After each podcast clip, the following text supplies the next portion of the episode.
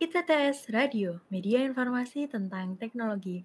Halo Sobat Teknologi, selamat datang di podcast Bintek, Bincang Teknologi. Bersama saya seperti biasa, Anindya Lizardianti dari Program Studi Sistem Informasi Angkatan 2020.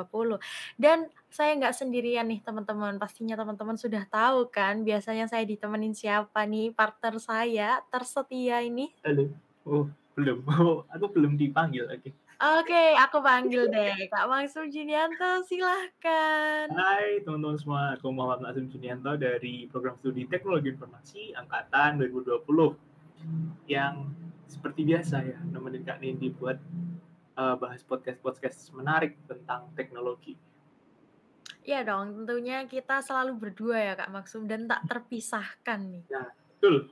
Tak terpisahkan dalam podcast ya. Gak tahu yang Oke teman-teman, dari episode minggu lalu nih teman-teman ya, kita hari ini masuk episode ke-22, Feeling Betul 22. Oh, kebetulan. lagunya Taylor Swift ya Kak Maksum ya. Kebetulan ini tahun 2022 ya. Iya benar. Episode baru buat ke-22 teman-teman. di tahun 2022. Kebetulan juga ini episode awal tahun kita ya Kak Maksum ya, Hmm. di tahun 2022 ini. Kebetulan kita memasuki episode 22 di awal tahun 2022, Feeling 22 guys, seperti lagunya Taylor Aduh. Swift. Oke nih, ngomong-ngomong nih Kak Maksum. Hmm. Kemarin kita sudah membahas tema tentang penyiaran ya Kak Maksum ya. Iya, benar Nah, di episode minggu ini kita juga masih ada sangkut pautnya ya Kak Maksum ya. Nah, benar sekali karena kita kan selalu berkaitan antara tiap episode. Nah, Iya. kalau minggu lalu kita bahas tentang penyiaran ya. Nah, minggu ini tuh kita juga bahas sesuatu yang uh, terkait sama penyiaran, yaitu Apa tuh dunia dunia broadcasting atau dunia Wah, dunia broadcasting. Tuh kan aku bilang apa, pasti ada sangkut pautnya kan. Hmm, sekali. Jadi bidang broadcasting ini merupakan ini ya, salah satu bidang yang uh, saat ini pun dari dulu pun juga itu diminati, diminati dalam artian untuk meniti suatu karir atau uh, profesi. Nah, jadi kayak ada filter sendiri bagi mereka yang uh, bekerja di industri televisi, radio, broadcasting ini. Misalkan kayak ada karyawan atau uh, ininya net kan bajunya tuh keren ya. Jadi kayak selain bajunya keren tuh profesinya sendiri juga keren.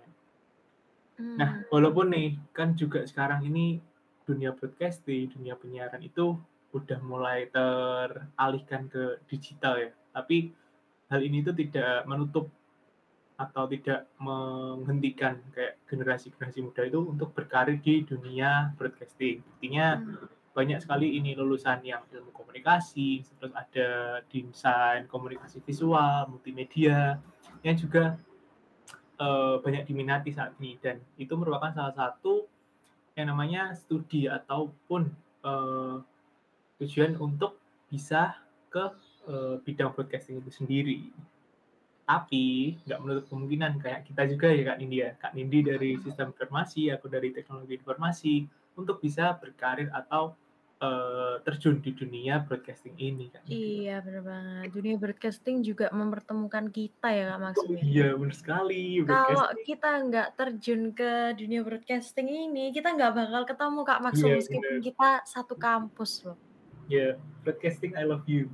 I love you broadcastingnya. Mungkin mungkin mungkin kalau Kak Maksum nggak ikutan ITTS Media ini, aku nggak bakal kenal Kak Maksum, tapi Kak Hmm. Maksum pasti kenal aku. Itu banget. jadinya, gitu. Oke teman-teman. Nah seperti yang dikatakan Kak Maksum tadi nih teman-teman. Di lulusan apa pun itu pastinya bisa ya teman-teman ya. Dan kalian tuh jangan lupa juga yang udah kuliah di IT, eee, IT Telkom Surabaya, jangan lupa join ke UKM kita, yaitu UKM Hmm. ITTS Media Departemen Radio. Ya, benar sekali. Karena uh, prospeknya untuk broadcasting itu tidak hanya di industri TV, industri radio, tapi juga bisa dari sini, dari misalkan kayak UKM-UKM yang ada di kampus atau organisasi lain, itu bisa banget buat yang namanya mengembangkan uh, kayak kemampuan kita di bidang broadcasting itu. Nah, setuju banget tuh Kak Maksum. Oke, nah, uh, aku akan mengajak kalian meneliti, mengetahui lebih jauh nih, apa aja sih prospek kerja di dalam dunia broadcasting ini. Mhm. Nah, mungkin dari kalian masih banyak yang belum tahu ya, mungkin dari kalian, uh, mungkin aja kalau ikutan terjun ke dunia broadcasting itu kalian ngiranya mungkin jadi penyiar radio, terus Iya. war eee, penyiar TV itu ya, host, Mhm. tapi nggak hanya itu aja nih Iya, teman-teman. bener, nggak hanya itu aja. Kayak Jadi aku broadcasting itu punya bisa nih broadcasting bisa apa aja ya Kak Iya, Maksum jadi ya? kayak Mhm. broadcasting heeh, bisa bisa apa aja dan, eee, ini ya, kayak broadcasting itu semacam skill atau kemampuan itu yang, eee, Kita pun dimiliki saat ini punya tuh udah bisa heeh, udah bisa Heeh. mulai, udah bisa ngelatih gitu. Jadi kayak Iya, bener. broadcasting itu sebenarnya deket sama kita gitu. Nah, iya, nggak nggak dimiliki banyak orang ya Kak Maksum ya. Mhm. Makanya kalian itu, eee "Ayo ayo sini Ayo. join ke dunia broadcasting," gitu kayak gitu. Soalnya, Iya, bener eee, sih. mungkin di zaman sekarang itu teknologi udah maju dan Mhm. radio udah nggak diminati banyak orang, banyak orang yang mengira kalau, eee, kerja di bagian broadcasting itu sudah kayak hal yang nggak laku gitu ya, tapi Iya. jangan salah teman-teman. Di sini tuh banyak banget. Aku, Iya. eee, punya beberapa contoh nih Kak Maksum ya, Mhm. lebih dari 5. Nanti Wih. aku sama Kak Maksum akan spill satu-satu. Oke, siap siap siap. Nah, yang pertama ini ada editor video nih Kak Maksum. Mmm. Editor video, pasti kalian nggak, eee, nggak membayangin kan, kayak nggak expect eee, Iya. ekspektasi gitu loh, kalau misal, eee, dunia broadcasting ini bisa jadi editor video. Iya. Kalian mungkin, eee, bayanginnya editor video itu cuman dari, eee, dunia apa ya Aplikasi digital gitu ya, Iya, seni digital kayak yang itu yang yang apa, yang TikTok itu, Ya, yang kayak konten kreator gitu ya? Iya, kreator, banyak influencer Heeh. kreator itu kayak mereka itu, eee, mempekerjakan, eee, orang Iya. untuk mengedit videonya sendiri itu. Jadi kayak ada timnya Heeh, gitu ya. betul betul. Jadi Itu nggak hanya di lingkungan televisi juga ya Kak Maksum ya? Iya, bener. Nggak hanya di lingkungan televisi aja, atau di lingkungan pokoknya perusahaan-perusahaan yang udah masuk TV gitulah ya, Mhm. channel-channel di TV. Tapi juga sekarang kan udah banyak, eee, aplikasi teman-teman ya, aplikasi yang bisa mewujudkan seseorang itu tiba-tiba jadi konten kreator. Nah, misalnya tuh kayak TikTok gitu ya Kak Maksum Iya. ya, itu kan dengan FYP sekali aja orang itu udah bisa disebut konten kreator gitu. Iya, bener. Dan di Mhm. balik itu kan ada ada editor videonya sendiri, entah mungkin mereka ngedit sendiri ataupun ada timnya. Nah, jadi editor menjadi seorang editor video itu, eee, jadi kayak, eee, pekerjaan yang, eee, bisa dibilang, eee, menjanjikan gitu di era saat ini. Karena Iya. kebanyakan orang itu mereka, eee, akan fokus untuk memikirkan kontennya dulu kontennya gitu ya. Kalau Iya. sama ngedit dilakukan oleh 1 orang kan terlalu berat juga. Mereka bisa Iya. eee, kemungkinan untuk mereka mempekerjakan orang untuk mengedit videonya itu juga menjadi lebih besar. Mhm. Eee, dan juga ini tuh bisa menjadi pekerjaan sampingan ya teman-teman ya. Mmm. Karena sangat efisien waktunya ya. Iya, bener.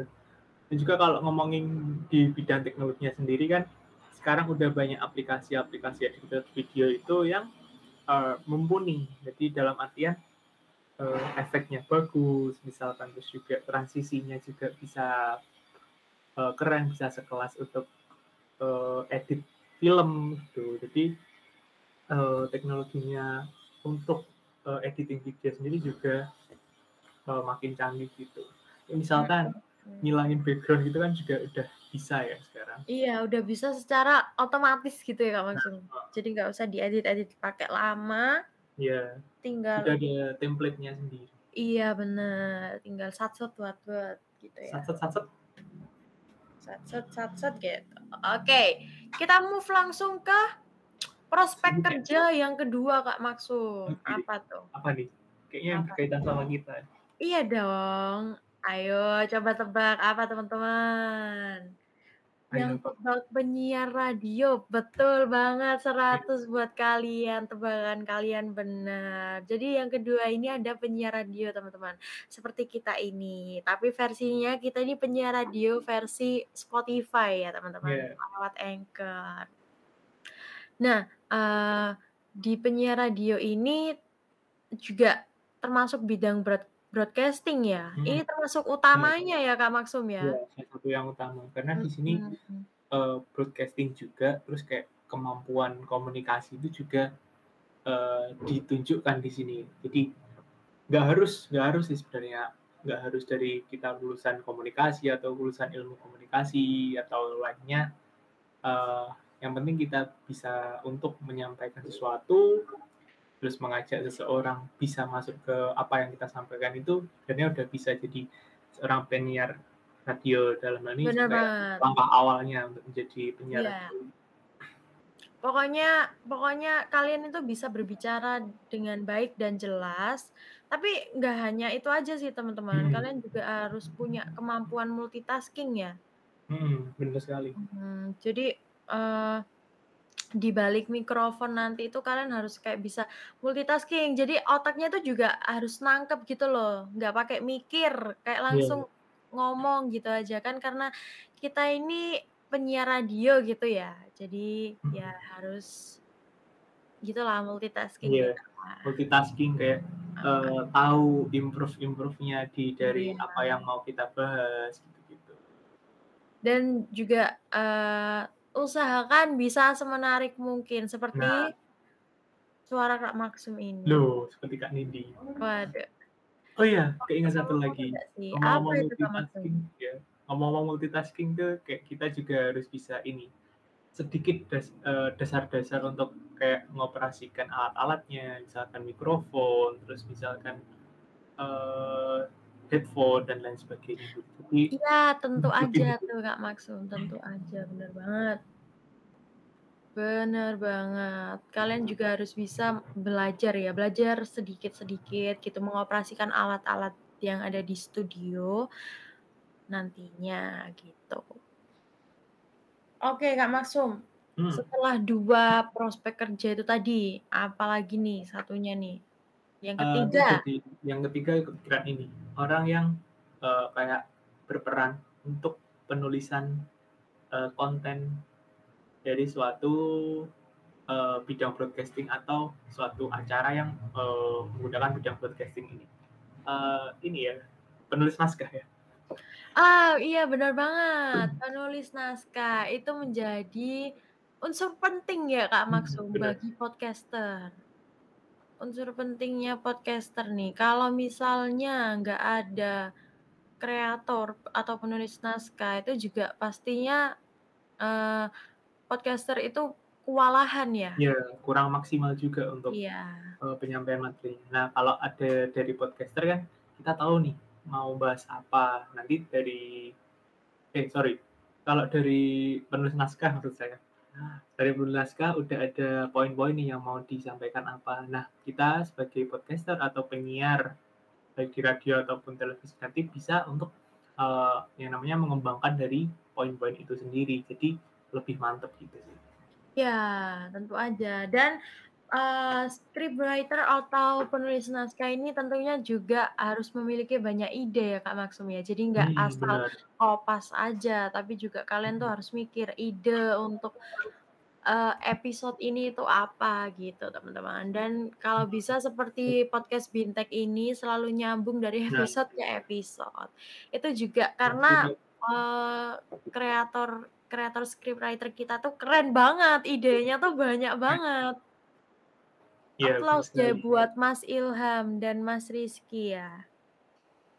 Aplaus. Oke teman-teman, bagi kalian, eee, mahasiswa-mahasiswi IT Telkom Surabaya yang merasa hobinya menulis dan mempunyai banyak ide, kalian harus join ke ITTS Media Departemen Mhm. Radio.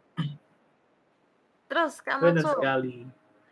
mau tanya lagi nih aku, selain scriptwriter atau penulis naskah nih ada apa lagi sih, Kak Maksum? Apa yang spesial gitu?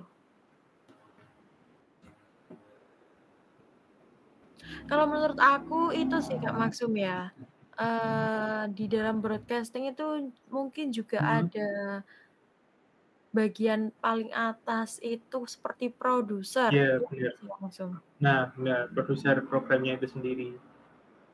Jadi kayak mereka kayak mengarahkan, terus memberi memberitahu nih, eee, acara ini mau konsepnya seperti ini seperti ini, nanti tinggal dikembangkan oleh tim-timnya. Misalkan ada tadi penulis naskah, terus ada, eee, penyiar, gitu-gitu. Nah, Nah, yang menarik dari Ya, apa Kak? tuh apa tuh, Kak Maksum yang menarik tuh? Jadi yang menarik ini juga, eee, mereka itu eee, ini ya kayak memikirkan konsep konsep secara keseluruhan, dari konsep programnya, terus kemudian untuk, eee, kan juga produksi itu ada yang namanya, Anggaran eee, biaya. nah, anggaran biaya, biaya juga, terus ada step-stepnya, misalkan praproduksinya, terus kemudian eee, pas produknya eee, produksinya itu sendiri dan juga pas prod pa Pasca waktu paskanya ya, produksinya atau setelahnya. pasca produksi. Nah, Iya, di sini setelah. mereka juga menyiapkan kayak beragam kayak, eee, ini ya, rundown-nya juga itu ya, dan Ah, iya, bener banget. eee, siaran-siaran yang berjalan itu juga bisa berjalan dengan baik dan masih dalam track atau da masih dalam, eee, konsep yang sudah ditentukan di awal. Ya, jadi, eee, produser itu yang menentukan semua proses sebelum hingga sesudah Hmm. Setelahnya juga. iya, sesudah produksi ya, teman-teman, ya. Nah, kalau, eee setelah produser nih, produser itu Mhm. kan ibarat orang di balik layar ya, Kak. Iya. Nah, kalau yang prospek kerja ke-5 ini yang bakal aku sebutin ini Mhm. orang yang di depan layar, teman-teman. Ih, depan layar apa tuh? Apa tuh? Yang Coba. pasti kelihat kelihatan ini ya, kelihatan orangnya, kelihatan mukanya gitu ya? Iya dong iya dong, bener? tentu aja. Jadi nggak? Yang seperti nggak seperti kita ini, teman-teman, kita kan hanya suara aja ya Iya, hanya suara aja. Kalau yang ini tuh pembaca berita. Nah, ini tuh lebih ke departemen televisi ya, Kak Maksum, Iya, ya. benar. Departemen televisi, pembaca berita atau, eee, apa tuh, Kak Maksum, bahasa Inggrisnya tuh host ini, news host anchor itu, ya, news kalau yang anchor. berita. Ya juga misalkan, eee, yang lain ya, misalkan kayak mereka narasi menarasikan sesuatu, itu juga bisa termasuk dalam pembaca pembaca berita juga. Tapi di sini konteksnya, eee, narasi atau hal lain yang ingin disampaikan selain berita itu. Nah, untuk, eee, kemampuannya itu apa ya, Kak Maksum ya, yang dibutuhkan? Kepedean juga ya? Mhm, kepedean di depan layar, karena kalau udah di depan layar, kita apa pun yang terjadi, itu harus tetap, eee, profesional dan juga heeh, dan juga tetap, eee, on track Stay on, acara iya. itu. Begitu kalau, eee, kemampuan yang harus dimiliki, salah satunya. Itu juga, eee, pembaca berita tuh menurut aku juga lumayan berat sih ya. Betul sekali. Soalnya kan kita langsung live gitu ya. Iya, live. Apalagi yang live itu, eee, sangat ini ya harus bisa menjaga eee, profesionalitasnya itu. Heeh, Eee, bener. walaupun nanti ada ada berita nih, ada berita yang kurang mengenakkan itu, kita harus tetap bisa, eee, Membawanya dengan asik gitu ya, baik, menarik. asik, dan menarik itu sendiri. Yang pastinya juga, eee, pesannya itu juga tersampaikan, karena itu juga harus memiliki yang namanya kemampuan komunikasi yang juga baik dan juga harus paham nih, apa yang disampaikannya. Misalkan yang konteksnya berita tadi ya, harus tahu sebelumnya berita ini tentang apa. Jadi isunya itu tentang apa harus bisa mengetahui. Jadi untuk nantinya mengembangkan itu juga bakal lebih baik gitu sih. Oke, ternyata itu tadi tuh teman-teman yang aku Hmm. sebutin dan Kak Maksum itu, eee, semoga aja teman-teman bisa mendapatkan manfaatnya ya. Ya, benar sekali. Oke, Dan next. ini teman-teman ya next aku, eee, bakal kasih clue dulu. Clue-nya Mhm. kita kan sudah membahas tentang pertelevisian dan radio nih Mmm, teman-teman. Nah, mhm. pasti di balik itu semua kita itu butuh backsound gitu ya kadang ya. Nah, betul sekali. Apalagi Heeh, kalau, eee, musik gitu. acara heeh, acara-acara yang sifatnya kayak hiburan gitu, musik itu kayak mendukung banget dari untuk bisa, eee, hiburan itu lebih lebih bagus gitu, lebih Iya. tersampaikan. Iya tentu aja dong, musik itu salah satu hiburan yang sangat penting ya Kak Maksum ya. Mhm. Mhm, sangat penting. Jadi Kan ada industrinya sendiri ya, industri musik Iya, gitu. industri musik ada sendiri teman-teman. Dan juga, eee, tentunya dunia pertelevisian dan radio itu membutuhkan industri musik juga di dalamnya Mhm. untuk pengolah audionya, untuk Mmm. backsound-backsound-nya, untuk mengatur, eee, suaranya, volumenya gitu dan lain sebagainya teman-teman. Di sini itu ada sutradara musik, itu Nah, betul sekali. tadi, Namanya sutradara musik. Nah. Nah Nah, apa itu? Nah nah sutradara musik ini apa Kak Maksum? Nah, jadi kalau tadi kan udah ada produser gitu ya.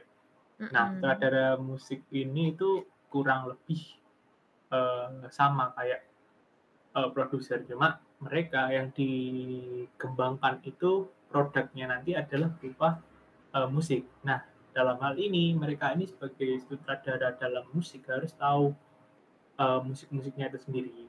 Jadi mulai dari genrenya apa, misalkan mereka tahu untuk, eee, model acara seperti ini, seperti A misalkan genre eee, romantik, romansa misalkan, itu harus model musiknya itu seperti apa. Dan juga mereka harus mampu yang namanya, eee, mengolah atau menggunakan alat pengolah audio. Jadi, eee, bakal lebih lebih baik, Lebih mantap, lebih lebih baik, lebih lebih lengkap gitu ya? Nah, lebih lengkap, lebih lebih full pack aku nyebutnya.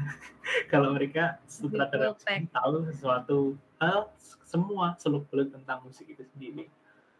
Oke. Kalau Kak Nindi Kan nih nggak apa Sutradara tuh Kak Maksum? Kalau misalkan jadi sutradara musik, mau menyutradarai musik yang bergenre apa? Aku sih tentu aja yang bergenre galau-galau ya, pop Oh. galau. Bisa masuk romance ya?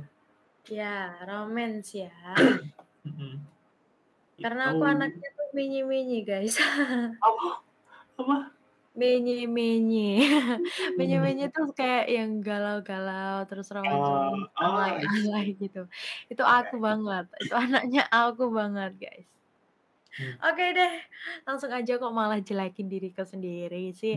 Jadi sutradara musik ini setelah itu lebih lengkapnya lagi sutradara musik, pasti membutuhkan seorang engineer, yaitu Mhm. sound engineer ya. Sound Itu engineer, adalah prospek kerja yang, eee, sangkut pautnya dengan sutradara musik ini guys, sound engineer. Jadi, eee, mungkin masih belum banyak orang tahu Mmm, tentang profesi mhm. kerja sound engineer ini. Karena profesi ini itu, eee, seperti kayak eee, menurut banyak orang mungkin hanya sebagai tambahan aja ya, Mhm. padahal itu ur unsur pentingnya loh. Iya, benar sekali. Kayak Soalnya dari dia teman-teman editor kita ya, dari Heeh. teman-teman editor departemen radio ITS Media kan, Iya. eee, mereka, eee, akan me mengolah lagi rekaman kita ini agar jadi lebih bagus. Nah, nanti itu, eee, ada, eee, bisa misalkan untuk volumenya, terus kemudian kalau volume kan sebenarnya bisa dari user-nya langsung ya. Tapi di sini, eee, untuk lebih yang namanya kayak, eee, kalau di musik itu composing ya, kayak komposer komposernya, komposer di bidang penyiaran ini. Iya, bener banget. kayak mixing mixing audio gitu-gitu. Iya iya, setuju banget, Kak Maksum. Jadi kayak, eee, sound engineer ini tuh bertanggung jawabnya tuh lebih besar terhadap kualitas Mhm. audionya, gitu. Jadi, eee, terus bisa juga untuk konser, untuk konser itu apalagi teman-teman ya, mungkin sound engineer Mhm. itu dibutuhkan minimal 5 lah ya, buat Iya. melengkapi. Karena kalau 1 tuh pasti kewalahan sih kalau untuk konser dan Iya. itu tanggung jawabnya terhadap kualitas audionya itu lebih besar teman-teman, karena itu acaranya live dan di-syuting, eee, lewat kamera dan secara langsung dilihat oleh masyarakat, gitu. Iya, bener sekali. Dan nggak hanya konser aja ya, misalkan ada aca acara-acara tertentu, misalkan kayak kita webinar, webinar Nah, online gitu kan iya. membutuhkan namanya sound Sosialisasi gitu ya. Terus nih kayaknya udah ya Kak Maksum ya, cukup 7 Udah. prospek kerja aja ya yang kita Oh iya. bahas ya? Oke, next akan kita bahas lebih lanjut ya. Oke, next mungkin kita bakalan bahas dunia lainnya ya teman-teman ya, karena hari Mmm. ini broadcasting, mungkin di minggu depan ada dunia apalagi nih? Ditebak aja Ada deh bakal apalagi nih? nah, tunggu aja jangan sampai kelewatan tiap episode Heeh, dari. Bimtek. Tetap stay tune di Spotify Radio ITTS Media. Kami pamit undur diri, sampai jumpa, terima kasih, selamat Senin, eh, selamat hari Rabu ya. Bye Bye-bye. bye.